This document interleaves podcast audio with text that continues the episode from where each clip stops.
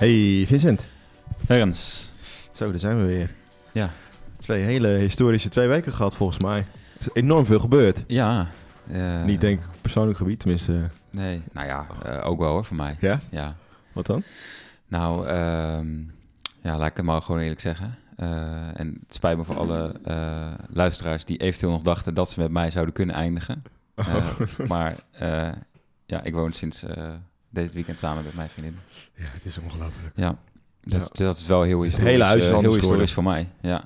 Alle, alle historische posters zijn weg. Johan Ja. Cruijff moest van de muur af. Eh, nou ja, Je herkent niks meer. nee. Maar heel gelukkig. ik zie het daar, ja. Gelukkig kon ik, mocht ik nog langskomen Ja. om, om deze aflevering op te nemen. ja. Nee, ik, eh, ik doelde eigenlijk op wat andere zaken. Nou, ik had wel zo vaak vermoeden. Deze week is het precies vijf, 50 jaar geleden dat, ehm dat Hannie Schaft eh, werd herbegraven. Ja, Die ken je toch? wel- niet ja. Ja, het is grappig dat, eh, dat opeens overal eh, bij de NOS, met de Volkskrant, dan opeens allemaal artikelen verschijnen over haar. ja. Is- volgens mij is ze officieel op 27 november, dus dat, we nemen nu op 29 november op, dus twee dagen later is ze herbegraven. Uh, Hannie Schafs is bekend als de grootste, misschien wel grootste verzetsheldin uit onze Tweede Wereldoorlog geschiedenis, Ja. ik het zo kan zeggen. Hè, ze, had, eh, ze heeft verschillende NSB'ers, eh of aanslagen gepleegd op verschillende NSB'ers. Werd uiteindelijk eh, opgepakt. En ehm, eh, echt vlak voor de oorlog, op 15, eh, op 21 maart werd, werd ze opgepakt en, en ter dood veroordeeld. Terwijl er eigenlijk al een soort van overeenkomst was dat vrouwen niet meer geëxecuteerd, geëxecuteerd zouden worden. Dus dat is wel interessant, maar ze werd toch geëxecute- eh, geëxecuteerd. En dan lees je dat hele mooie verhaal, dat las ik dan nu weer opnieuw op, eh, op de NOS, dat ze zou gezegd hebben toen ze geschoten werd van, eh, en dat was een schamschot blijkbaar, ja, ik schiet beter tegen die, eh, tegen, tegen die SD'er die Maarten Kuiper heette, waarop die Maarten Kuiper zijn machinepistool compleet leegschoot op, op Hannie Schaft. Waarschijnlijk is het niet waar hoor, want uit het autopsierapport blijkt dat ze van achter zou neergeschoten zijn met twee, twee kogels. Maar dat is wel een mooi, mooi verhaal. Past wel een beetje bij sowieso de mythe, toch? Die, eh, Ja, het, het, meisje met de rode haren, ja. Met de rode haar. En eh, dus op 27 november, dus dat, dat is deze week precies 75 jaar geleden, werd, ze, werd haar stoffelijk overzocht, overschot, overschot, ja, met militair eer herbegraven op de erebegraafplaats. En daar was dan ook eh, Wilhelmina aanwezig, prinses Juliana, prins Bernhard. ja. En daardoor is ze nu zo bekend. En dan is nu weer in het nieuws opeens deze week dat er v- op nieuwe foto's van haar zijn gevonden. En ik Ja. vraag me af, hoe werkt dat dan? Is dat een soort... ja, hebben zij een soort eh, eh, planning, een soort kalender van, oh, Miep Gies is eh, 25 jaar. eh, dat dat bijvoorbeeld aan maart helemaal is voorbereid, bij wijze van spreken. Ja, je zou het haast, haast denken. Kijk, die foto's dan misschien niet, maar nou ja, last, zo'n ja. memoriam. eh, Ja, die foto's die zijn dan, ehm, zeg je dat? Die zijn dan naar boven gekomen omdat er dan een, een oproep was van een archief. Ik weet even niet meer. Volgens mij gewoon het Haarlems archief. Van zijn er nog jeugdfoto's van Hannie Schaft of Jo Ja. Schaft, hoe ze eigenlijk heet, te vinden. Ja. Eh, en toen kwamen ze opeens weer boven water. En Toch, die, Het is op zich best leuk, maar ik denk ook van, nou, ja, leuk, maar is, is het heel speciaal, zeg maar, dat we dan Ja. nu foto's van haar jeugd hebben? ja, blijkbaar, ja, toch een manier om dat leuk. toch te herinneren. En dan geef je toch iets meer cachet dan alleen. Het is 75 jaar geleden. Maar eh, dat vond ik wel bijzonder. En het andere nieuws natuurlijk... eh, er waren eigenlijk twee, twee onderwerpen.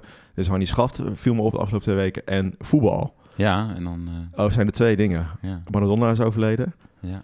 Heb je daar wat mee? Eh, Deed het je pijn? Moest je... Nee, moet ik eerlijk zeggen van niet. Nee, bij mij ook Eh, niet. Ik, toen Johan Cruijff eh, doodging, had ik dat wel. Ja, ik zit Kijk, niet dat wij eh, me heel bewust hebben meegemaakt natuurlijk. Maar eh, wel dat je van, oh, dat is echt zo... Ja, ik weet niet, iemand zo die ook heel groot gemaakt is. Of in, in, eh, en ook natuurlijk iets meer in Nederland. Maar eh, als je dan gewoon puur kijkt naar wie Maradona was... en wat hij allemaal heeft gedaan... is het natuurlijk wel echt... eh, echt wel groot nieuws. En ook niet heel verrassend dat er zoveel aandacht aan wordt besteed op zich. Nee, Je want hij heeft dat een erin. soort van het hele land Argentinië uit de slop getrokken met zijn eh, Ja. voetbalkwaliteiten. Ja, Hè, want het was in de tijd eh, toen hij eh, het, het WK won met Argentinië. Ja, Eh, 1986. Ja, was net de Falklandoorlog achter de rug, allerlei interne strubbelingen.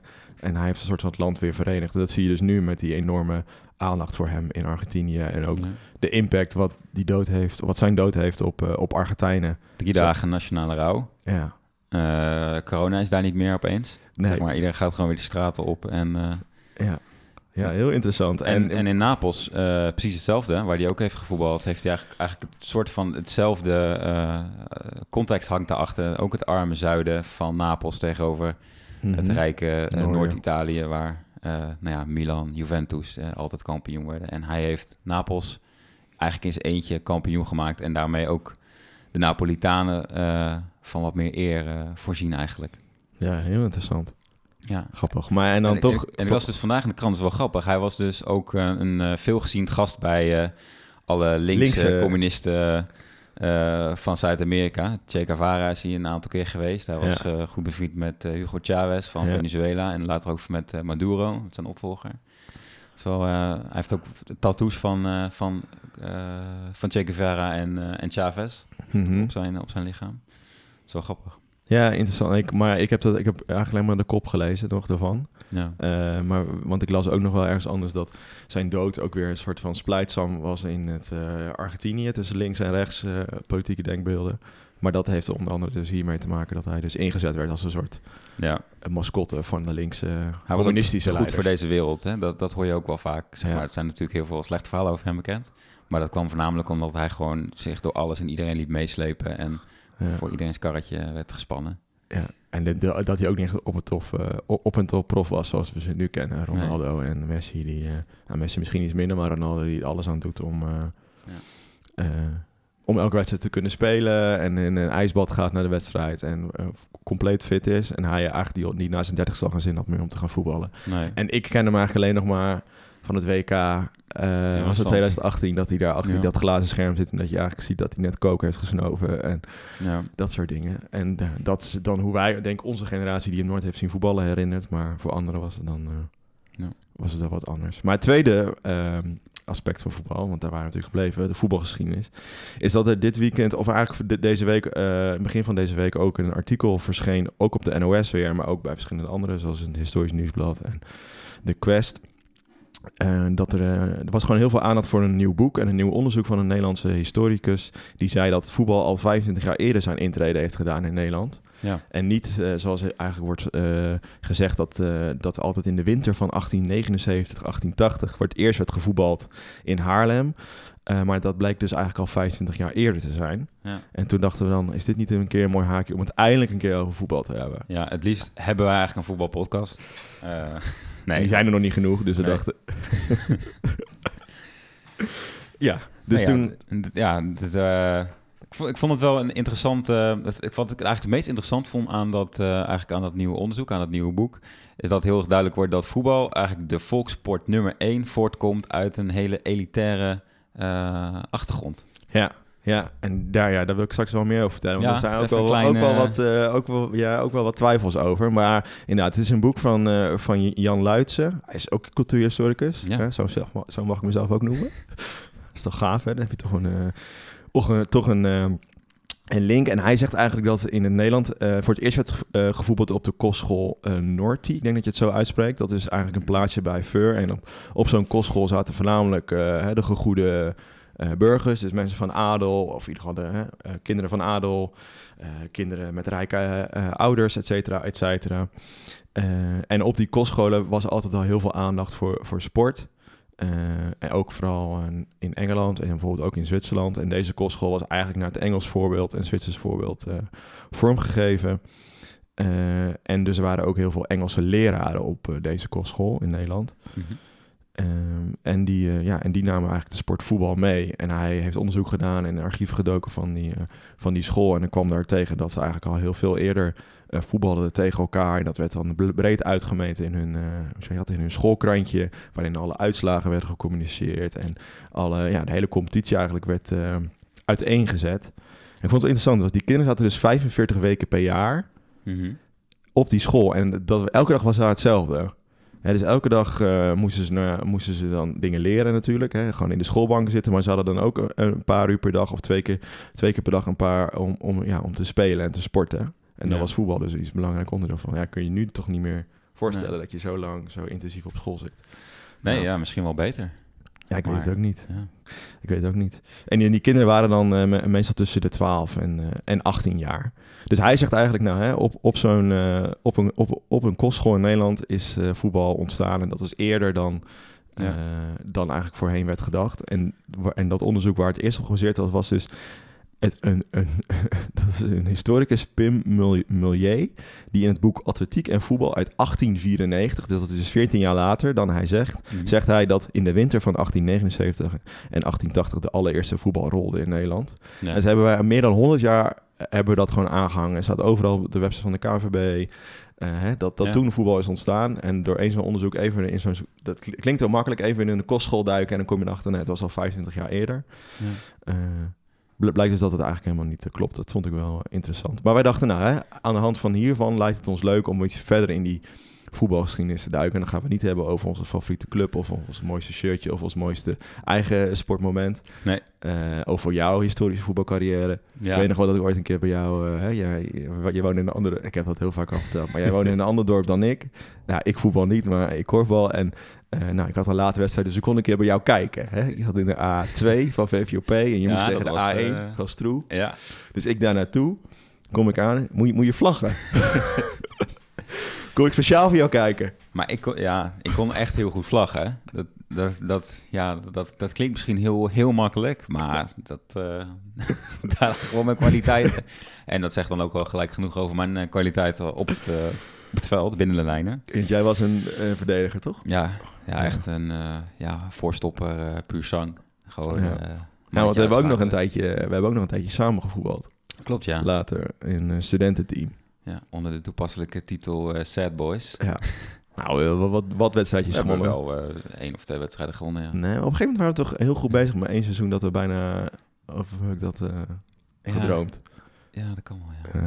We hadden helemaal, ook helemaal zo'n website hè, waar je alle, Klopt, alle ja. gegevens, alle data bij hield. Ja, Alle invalbeurten. Maar we waren echt het, eigenlijk het eerste laptopteam van, van, van Nederland. Ja, We hadden alleen geen budget. Dus we wisten precies wat we nodig hadden. Alleen, ja, we konden daar niet aankomen. Dus we hadden drie korfballers, twee hockeyers. Eh, volgens mij was er ook één iemand in een rolstoel. maar dat was wel een beetje dat, eh, zo'n eh clowneske samenstelling. Maar het Ja, was op zich het gedoe eh, was het wel altijd. Dan gezellig. moest je door de week voetballen. En dan moesten we ergens Ja. in Amsterdam Zuidoost. En dan met de tram en dan met de metro. En nog weer een stukje met de bus. Ja. En dan 7 tegen 7. Ja. Tegen andere studententeams. Dat was dan weer leuk. En dan moest je weer terug naar huis. En eh, nou, Ja. wel gelachen. Het was hartstikke leuk. Maar we hebben ook een jaar in Utrecht gedaan, toch? Ook nog, ja. Ja, toen was ik er denk ik niet meer Dat was, eh, ja, dat was ons beste jaar. Ja, ja dat kan ik me voorstellen. Ja. ja, snap ik. Maar goed, laten we, laten we teruggaan naar het, naar het onderwerp. Want ehm, eh, nou, we zijn toch de Heers en Story podcast. Dus we dachten misschien kunnen we aan de hand van deze voetbalgeschiedenis een personage centraal stellen. Want dat is toch altijd het idee. Ja. We dachten, nou laten we misschien niet een man doen deze keer. Nee. Maradona, Johan Cruijff. Eh, wie Jo. kunnen we nog meer noemen? De Heel, generaal. heel weinig. Hoe heet je ook weer? Van het Nederlandse... eh, die altijd de generaal, die voetbal... Rinus- Rinus Michels. Ja, hè, dankjewel. Of die. Nee, we dachten, we gaan het bij een vrouw zoeken. En misschien wel de Ja. allereerste vrouw die vrouwenvoetbal heeft ge- eh, geïntroduceerd. Ja. En dat is Nettie eh, Honeybal, ja. is haar naam. Daar later meer over, maar ik dacht, hè, dat doen we toch ook elke iedere aflevering weer. Toch even induiken van waar komt sport er nou vandaan. ja. Ik vind dat toch Wel fijn. Ja, eh, kan je dat een beetje... eh, Nou, ik heb, het, ik heb het opgezocht, verschillende dingen over gelezen. Eh, en ik denk dat jij het ook wel misschien wel een beetje weet al van je, van je studie. Maar je leest een beetje, als ik de korte stappen mag zetten en als ik snel ga, moet je het zeggen hoor. Ja. Verlichting, Oeh, dan ga je heel snel over mij. industrialisatie, ja, groeiende middenklasse, commercialisatie, welvaart, vrije tijd, sport. Ja. Dat zijn een beetje de stappen die, eh, Ja. die, je, die, die je veel leest. Ehm, en dat is eigenlijk het geval in de Anglo-Saxische wereld. Ehm, Dus het is echt wel onlosmakelijk verbonden met vrije tijd, eigenlijk. Of ja, werd daarvoor ook nog wel je, gedaan? Je ziet eh? verlichting, en dan gaat meer, de mens komt centraal te staan, niet meer het grote gedoe, niet meer de kerk of, of grotere systeem, maar echt jij als individu eh, komt centraal te staan. Dat werkt, laat maar zeggen, door in persoonlijke groei of persoonlijke ontwikkeling. Tegelijkertijd zie je, of tegelijkertijd, paar, eh, nou, tientallen jaren later komt de industrialisatie op, vooral in Engeland. eh, waardoor mensen steeds meer geld gaan verdienen, maar ook het hele idee van bureaucratie, organiseren, eh, allerlei technologische ontwikkelingen, waardoor bijvoorbeeld reizen makkelijker werd. En daardoor groeide dus de middenklasse, dus meer welvaart. En er was meer commercialisatie, dus nog meer welvaart. En dan eh, zie je ook dat vrije tijd. En, dus, hè, dus je hebt dus en werken in, in, de, in de fabriek of werken. En dus ook het, wat je daarbuiten doet, dus wordt dan ook belangrijk. Hè, want dat heeft dan, weer, heeft dan weer een soort van link met die, met die verlichting. Wat al in de 17e eeuw terugkwam. We hebben het nu over de 19e eeuw trouwens. Sorry dat ik nog niet Mhm. heb gezegd. En daardoor dat allemaal samen heeft eigenlijk zeggen sport steeds belangrijker gemaakt. Eh, en ik zei net al, dat was wel in de Anglo-Saxische wereld. Dus eigenlijk Engeland en Frankrijk. En dus daar stond het individu centraal. Maar tegelijkertijd zeg je bijvoorbeeld in andere Europese landen... ik heb het nu alleen over Europa, want dat, hè, zo gaat het altijd bij Ja, geschiedenis. Dat is eh, inherent. Inherent. Ja. Amerika, eh, die gaat dan ook mee, hè, want dat was natuurlijk een Britse kolonie lang en Ja. bla bla bla. Maar bijvoorbeeld in Duitsland, Rusland, daar was het veel meer nog verbonden aan het militarisme. eh, Ah. van, van de 19e eeuw, hè, steeds sterker worden. En zie je bijvoorbeeld in Duitsland is in, aan het einde van de 19e eeuw, dus laten we zeggen tussen 1860 en, en 1900, was turnen heel belangrijk. Ja. Dat werd toen echt eh, goed georganiseerd. Eh, want eh, ze dachten natuurlijk, hè, als, de, als de mannen goed kunnen turnen, kunnen ze ook goed vechten in de oorlog. Ja. Dus dat was, eh, dus iedere jongere die ging eigenlijk zo snel mogelijk turnen op school. En al die ontwikkelingen, hè, wat ik net al zei, dat vind ik dan heel grappig. Je leest heel snel over dat die door de industrialisatie ontstond er ook een soort van bureaucratie. En dat en mensen konden opeens veel beter dingen regelen. Mhm. Dat daardoor ook het idee van teamsporten en competities versterkte. Nou, op zich wat. Ja, en dat de trein bijvoorbeeld mogelijk maakte dat mensen gingen reizen. Hè? Dus dan kon je ook reizen Ja. voor, die, eh, voor, voor, voor, voor je wedstrijd. Maar ook dus reizen om het te kijken als publiek. Mhm. Eh, en de goede welvaart zorgde ervoor dat mensen hun spullen konden aanschaffen om te sporten. Of dat ze een kaartje konden kopen om te gaan kijken weer hè, bij zo'n bij zo'n wedstrijd. De verbeterde communicatie, de krant, de telegraaf zo zorgden ervoor dat alles weer geregeld kon worden. Net als dat hè, de bureaucratie zorgde dat er bonden, clubs, eh, competities opgetuigd worden. Eh, nou, en ga zo maar door. Dus dat is een beetje het begin van de sport. En je ziet het dus, hè, vooral in Engeland, is natuurlijk, dat wordt altijd gezien de, de plek van moderne ja. eh, van moderne sporten. En dan sta- ontstaat er eigenlijk van alles tegelijk. Van cricket tot ehm, voetbal, tot rugby, tot basketbal, baseball, et cetera, et cetera. Maar al die sporten zijn wel vaak gebaseerd op oudere sporten die al langer bestonden. Is in de middeleeuwen en vaak zelfs nog ver daarvoor. En je ziet heel vaak dat voetbal is waarschijnlijk gebaseerd op een Chinees spel... wat al 500 jaar voor Christus, als ik het goed zeg... in ieder geval ver voor Christus al werd gespeeld. Mhm. Ehm, en in de middeleeuwen werd voetbal ook gespeeld. En het was echt een volkssport. Hè. Er werd eigenlijk een beetje verafschuwd, lees je ook wel eens, omdat het zo gewelddadig was. Ah, ja. Eh, maar juist in die 19e eeuw wordt het, komt het opeens weer op, wat jij net al zei. Ja. Maar vooral de gegoede burgerij. Ja. Dus dat is wel, wel dat echt een interessant. alternatief werd voor, eh, voor cricket. Dat, dat, Ja. eh, is- Maar het is wel tegelijkertijd ongeveer dat het, eh, dat het plaatsvond, hè, die ontwikkeling of die groei van cricket en, en voetbal. Want cricket, ja. ik ken dat eigenlijk niet, maar dat is vooral natuurlijk, je ziet het een soort van... Nou, weet je wat ik lees eigenlijk, is dat cricket, je dat daar, daardoor, daar moesten ze te weinig bewegen. Want was, en daardoor Ja. was het eigenlijk niet te doen om dat in de wintermaanden te spelen, want je stond veel stil. En dan gingen ze juist voetballen. Mhm. Want daar was je elke keer in beweging, waardoor je ging hè, zweten en warm kreeg. En wat je het ook dus in de maanden november, januari, december, februari kon spelen. ja. En vooral in de Anglo-Saxische landen. Dus dat is dan een vaak een reden waarom voetbal populair wordt. Maar wat je net al in het begin zei, hè, ik zei het ook, hè, de, groei, de gro- groeiende middenklasse, hè, steeds meer geld. En dat was uiteindelijk in eerste instantie waren dat de adel. En doordat eh, die groep dat eigenlijk heeft omarmd en niet ging jagen, bijvoorbeeld, of paardrijden of paardenraces, wat ze natuurlijk altijd eigenlijk al deden, ook al in de middeleeuwen. Eh, maar juist ging voetballen, rugby, dat soort dingen. Daardoor is het, heeft het eigenlijk een beetje de voet aan de, aan de grond gezet. En dat zie je straks ook weer terug als we verder induiken op, eh, op het hoofdpersonage. Net die Honeyball. ja, net die honeybal. Ja, De eerste vrouwelijke eh oprichter eigenlijk. Of de oprichter van de eerste vrouwelijke voetbalteam. Of voetbalclub eigenlijk moet ik zeggen. De voetbalteam bestond wel iets eerder. Eh, maar zij eh, richtte de British Ladies Voetbalclub op, de BLFC. Mooie en naam. eh, ja, hele mooie naam. En, en zij deed dat ja, voornamelijk vanuit feministisch oogpunt, gedachtegoed. Ook om te laten zien van vrouwen zijn, eh, zijn gelijkwaardig aan mannen in ieder geval. We hebben het hier over de late 19e eeuw, 1895, dat zij dit, dat zij dit opricht. Mhm. Ehm, nou ja, als je dan even kijkt naar het Engeland van, van toen, eh, is de Victoriaanse tijd. Hè, dus als je kan je voorstellen dat het niet de meest geschikte tijd om als vrouw eh, te gaan voetballen, zeg maar. Nee, want? Vict Victoriaanse tijd, dat was eh, erg... ja, hoe kan dat? Ja, dat zijn die grote, die grote hoepel, hoepelrokken. En je moest in principe helemaal bedekt zijn, je armen tot, aan, tot aan je enkels. Eh, want eh, de Engelse man, uh, anno eind 19e eeuw, werd heel erg opgewonden van blote enkels. Dus die mocht je niet laten zien. Nee, nee.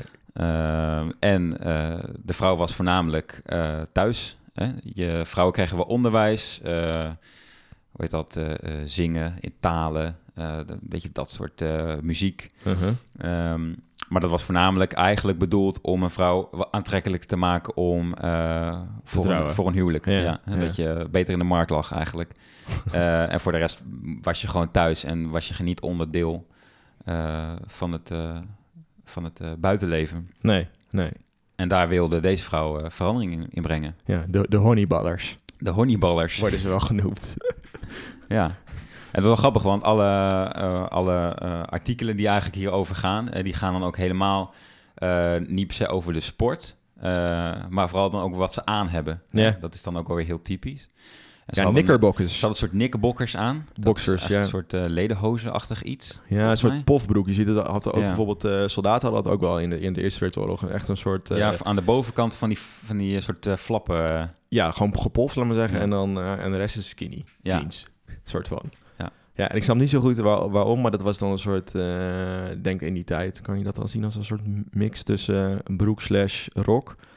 En het was ook wel, ik las Ja. ook wel over die knickerboxers dat het ook wel een soort het sport, broek- de, de sportbroek was in die tijd. Ook bijvoorbeeld voor golfen en eh, voor wielrennen en voor paardrijden werd het ook veel gebruikt bij sporten. Ja, Maar inderdaad, dit- dat wordt heel grappig dat zo, wat je zegt, dat er zo ingezoomd wordt op wat ze dan aan hadden. ja. En er kwamen heel veel mensen naar kijken. Hè? Ja, niet normaal hoeveel mensen. Echt, 50 eh, 50.000 per, per wedstrijd. Want ze speelden op een gegeven moment een wedstrijd. Ja, ja. Eh, want ze had een soort... Want eh, als we dan hebben over waarom dit dan weer populair geworden is... Ja. communicatie. Want ze had gewoon een bericht geplaatst in een krant, lees je overal. Van, hey, ik wil graag voetballen met een vrouwenvoetbalteam. Ja. Meld je aan. Ja. En er werd wel een beetje slecht op gereageerd, hè, want je was Victoriaanse tijd, dus conservatief. En eh nou moet dat wel, het is een mannensport en eh, niks voor vrouwen. Maar Ja. toch kwamen er heel veel vrouwen op af en heeft ze dat gewoon kunnen regelen. Ja, en dat kwam ook met name door eh, eigenlijk dat er een soort ambassadrice aan verbonden werd hè, aan haar voetbalclub, Lady Florence Dixie. En dat was eigenlijk een bekende feministe in die tijd, die ook daarover publiceerde Hmm. en daar een beetje een, een boegbeeld van was. Eh, en die werd eh, vooral met die eerste, met die eerste wedstrijd eh, van, van deze nieuwe voetbalclub, was zij een beetje de, ja, hoe noem je dat? De, woord, de woordvoerder van, het, van het hele verhaal. Ja. Sajan detail trouwens, Lady Florence Dixie is, was zo'n feminist. Zij is ook een keer neergestoken door twee eh, mannen die eh, verkleed waren als vrouwen. En eh, Echt? ja, misschien ook een keer leuk om iets, om over te doen. Maar dit- zij was van Schotse, Schotse afkomst. Ja, en, en Maar zij had eigenlijk ook dat platform al. zij was bekend met, met kranten en zat al helemaal in dat, in dat wereldje eigenlijk. Ja, want dat was misschien wel de manier in die tijd ook om die, de feministische idee te verspreiden, toch? Je Ja. leest dat heel veel, dat in dat Maar zij was echt een influencer. Eigenlijk, zij was echt een influencer van die tijd. Want zij had precies Leuke alle titel. Kanalen. voor- Ja. Titel voor de, voor de aflevering hebben we ook. Haar vader die zat ook weer in die wereld. Uh-huh. En haar broer, eh, nou, dan gaan we helemaal op haar. Maar haar broer was, eh, had een affaire met eh, Oscar Wilde. Ja, En haar vader wilde die, eh, die Oscar Wilde helemaal afbranden, zeg maar, in de krant. Een soort eh, eh, campagne, een haatcampagne Uh-huh. tegen hem. Omdat hij eigenlijk zijn zoon soort van... Ja, zijn zoon was ook homo. Maar Ja. zeg maar, die, zij konden dat niet... eh, hij kon dat niet verkroppen. En Nee. eh, heeft hem daarom helemaal afgemaakt. Maar zeg maar, zij... Die familie zat dus heel erg in dat wereldje en wist precies aan alle touwtjes te trekken. Dus eigenlijk de connectie met haar eh, zorgde ook weer voor extra input voor dat vrouwenvoetbal. En dus voor al dat publiek wat er naartoe kwam. ja, ja. En dan speelden ze al in, mei eh, 1881 hun eerste wedstrijd. En die wonnen ze met eh 3-0. Ja, En dan lees je heel vaak dat het dan ehm, een team... eh, dus zij dan, waren dan gewoon van Schotland, hè, want eh, Nelly... eh, zo. De ho- honibal was van Schotse afkomst en die speelde dan tegen de Engelsen. En een paar dagen later waar werd dan een wedstrijd in Glasgow gespeeld. En dan was, Mhm. was het dus weer andersom. En dan speelden de Schotten thuis en die wisten ze dan ook- ook te winnen. En inderdaad, wat je net zegt, overal lees je eigenlijk alleen maar eh, dat dan de, bijvoorbeeld de Glasgow Herald, maar al die andere kranten niet echt hebben over die wedstrijd en hoeveel het geworden is, maar dat, dat het Schotse team eh, er erg slim en goed uitzag in hun eh, blauwe, eh, blauwe shirts met witte knickerboxers, rode riemen en hoge boots. Dus hoog, ja, dus ja, interessant dat daar zoveel nadruk op wordt gelegd. ja. Ja, grappig. Denk je niet dat het alweer tijd is om even eh, Ja, eh, we lopen naar de quiz te gaan en dan Ja. gaan we daarna even verder hoe het afgelopen is met, eh, Ja. met, met deze honibal. Goed plan.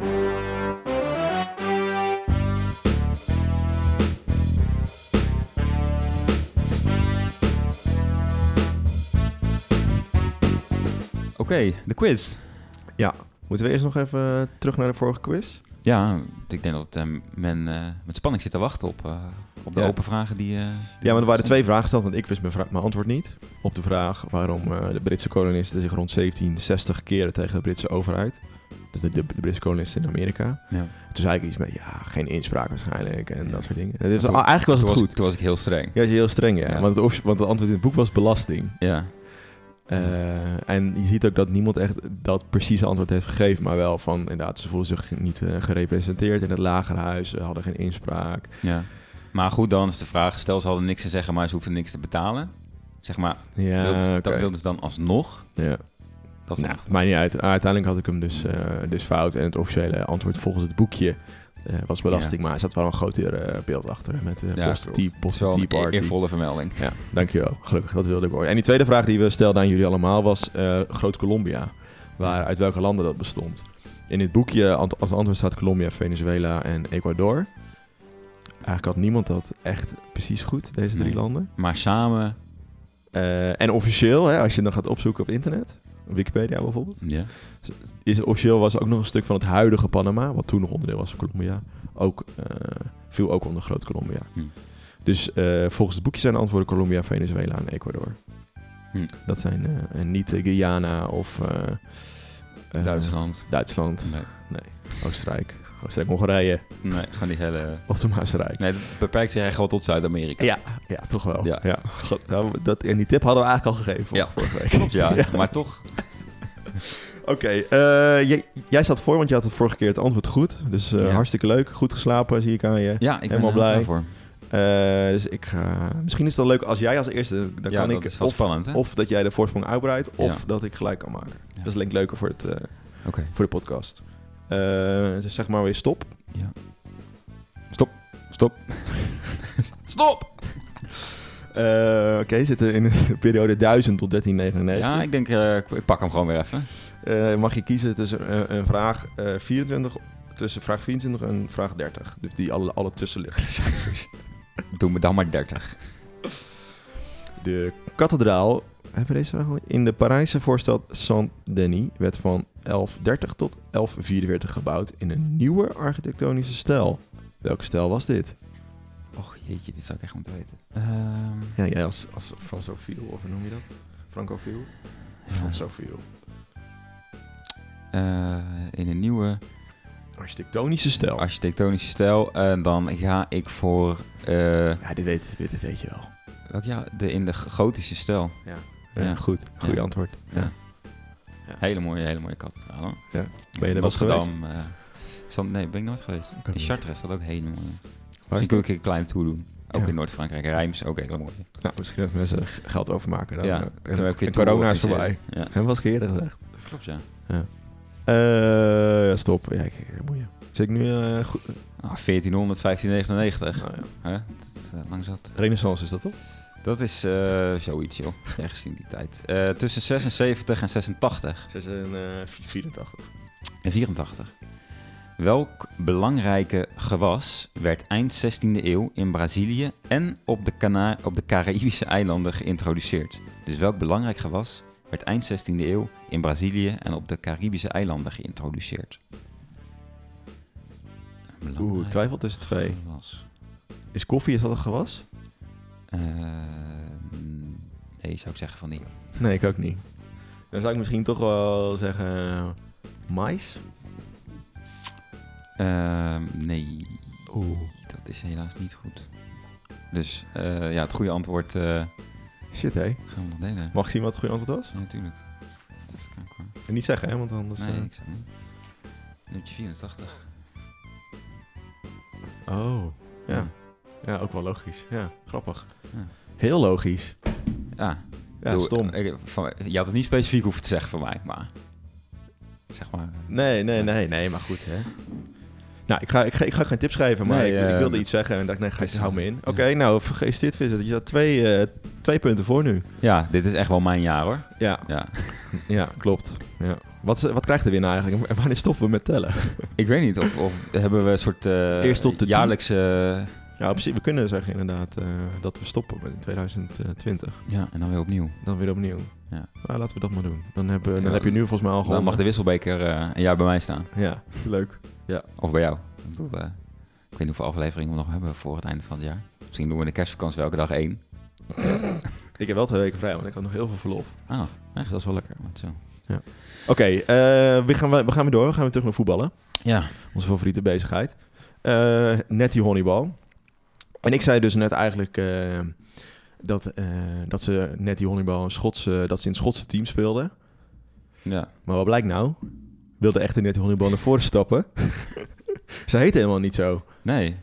Het was, eh, het was ook te mooi om waar te zijn. Ja, je zou maar honneybal heten en, Ja. en een voetbalclub, een voetbalteam oprichten Ja. voor vrouwen. Ja. Nee, zij heet Mary Hudson. en Ja. daar zijn ze echt pas vrij laat ook weer achtergekomen. Ja. Ze, ja, zij heette Mary Hudson. Ze kwam uit Ierland. En eh, daar kwamen ze dus jaren, eh, jaren later kwamen ze pas achter. Eigenlijk eh, recent.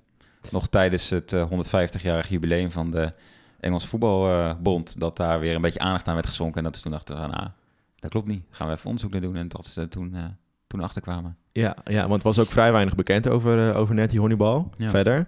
Ja. Ze hebben gezocht inderdaad in, eh, ehm, nou, hoe noem je dat, achternaamregisters. En er waren echt vrij weinig mensen die zo heten. Dus het was heel gek dat ze dat, Ja. dat, ze dat al zou zijn. En, eh, sorry, nu ben ik de, de echte naam kwijt. Net die honeybal. Mary Hudson. Mary Hudson, ja. Ja. Maar dat blijkt gewoon een, eh, eigenlijk eh, iemand te zijn van een goede komaf. Dat is wat je eigenlijk dat hele verhaal van voetbal en sporten in de 19e eeuw. Je moet, uit- moet uit een goed milieu komen. En dan heb je geld en middelen om, om te gaan sporten. En dat was zij dus ook. Dus zij was gewoon onderdeel van het hele systeem. Ja. Dus dat is wel, eh, wel, wel interessant. Ja. Toch? Hè? Dat ze gewoon eh, privilege was om dat te doen. Ja, en, eh, en daarmee dus haar zaak eh, kon, eh kon. Ik vind het wel, ik vind het wel grappig waarom zij dan toch daarvoor heeft gekozen. Omdat in de anonimiteit... Ja, en dat, en dat lees je eigenlijk nergens. Nee. En ik kan het misschien wel verzinnen als in... Hè, wil je misschien dat haar familie er tegen was? Of misschien kwam haar naam, Ja. haar familienaam... Nou ja, dat, dat zie je wel. eh, want er waren ook wel andere eh, vrouwenteams in die tijd. eh, iets later. En, want zij richtte echt een club op. Hè? Dat zeiden Ja. we natuurlijk ook in het begin. En er waren wel vrouwen die in, in verband wel voetbalden al. Dat was al wel zo. mhm. Ehm, maar wat er vaak met die vrouwen gebeuren, is dat ze ook wel werden aangevallen soms. Of in ieder geval onheus bejegend. En soms echt wel fysiek werden bedreigd. Nou ja, omdat het niet paste in die, in die Victoriaanse tijd. Dat vrouwen zo openlijk hun eigen leven aan het leiden waren Ja. in de buitenwereld. Dus dat kan natuurlijk wel een reden zijn waarom ze het onder een soort schuilnaam eh, ja. heeft gedaan. En misschien ook wel dat het gewoon lekker klonk. Als in gewoon voor de, Ja. voor de, voor de PR, honneybal. En wil je voetballen bij de, met die honneyballers. Ja. eh, dat ze daarvoor heeft gekozen. Maar dat blijft een beetje in het ongewis, inderdaad. Spannend. Ja. En hoe is het nu verder gegaan met dat, met dat vrouwenvoetbal in, de, in Europa? Nou ja, dit is, dat is wel grappig. Op, op een gegeven moment eh, nestelt het zich wel een beetje eh, als iets wat steeds meer geaccepteerd wordt. Hè? In het begin van de, eh, van de 20e eeuw zijn er wel vrouwenteams die dat, die dat gewoon op die manier doen. En die Victoriaanse tijd die neemt natuurlijk ook af in die zin dat het wel steeds vrijer wordt. Nou ja, je hebt de jaren 20 waarin, waarin alles doezie en goosey is.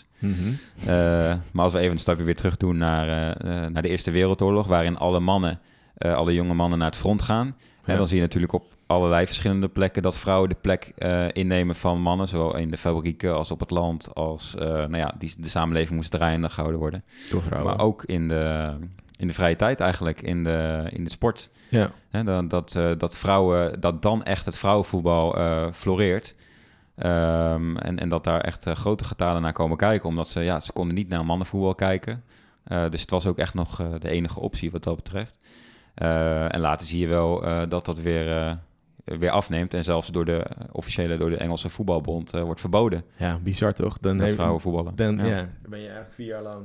Dan ben je vier jaar lang aan het, eh, aan het voetballen als vrouwen zijn in, in de Eerste Wereldoorlog. En dan wordt het in 1921 opeens weer verboden om als vrouwen te voetballen. Ja. Terwijl, eh, de, terwijl de jaren 20 ook wel bekend zijn als een soort... eh, hè? Ja. Niet zo'n niet zo conservatieve periode meer. Maar goed, Nee. dat is blijkbaar, eh, dat was nog misschien al een stapje te ver. En eigenlijk gebeurt dan weer hetzelfde in de Tweede Wereldoorlog, lees je overal. Dat dan ook op zich weer een soort impuls wordt gegeven aan het vrouwenvoetbal en sowieso aan vrouwensporten.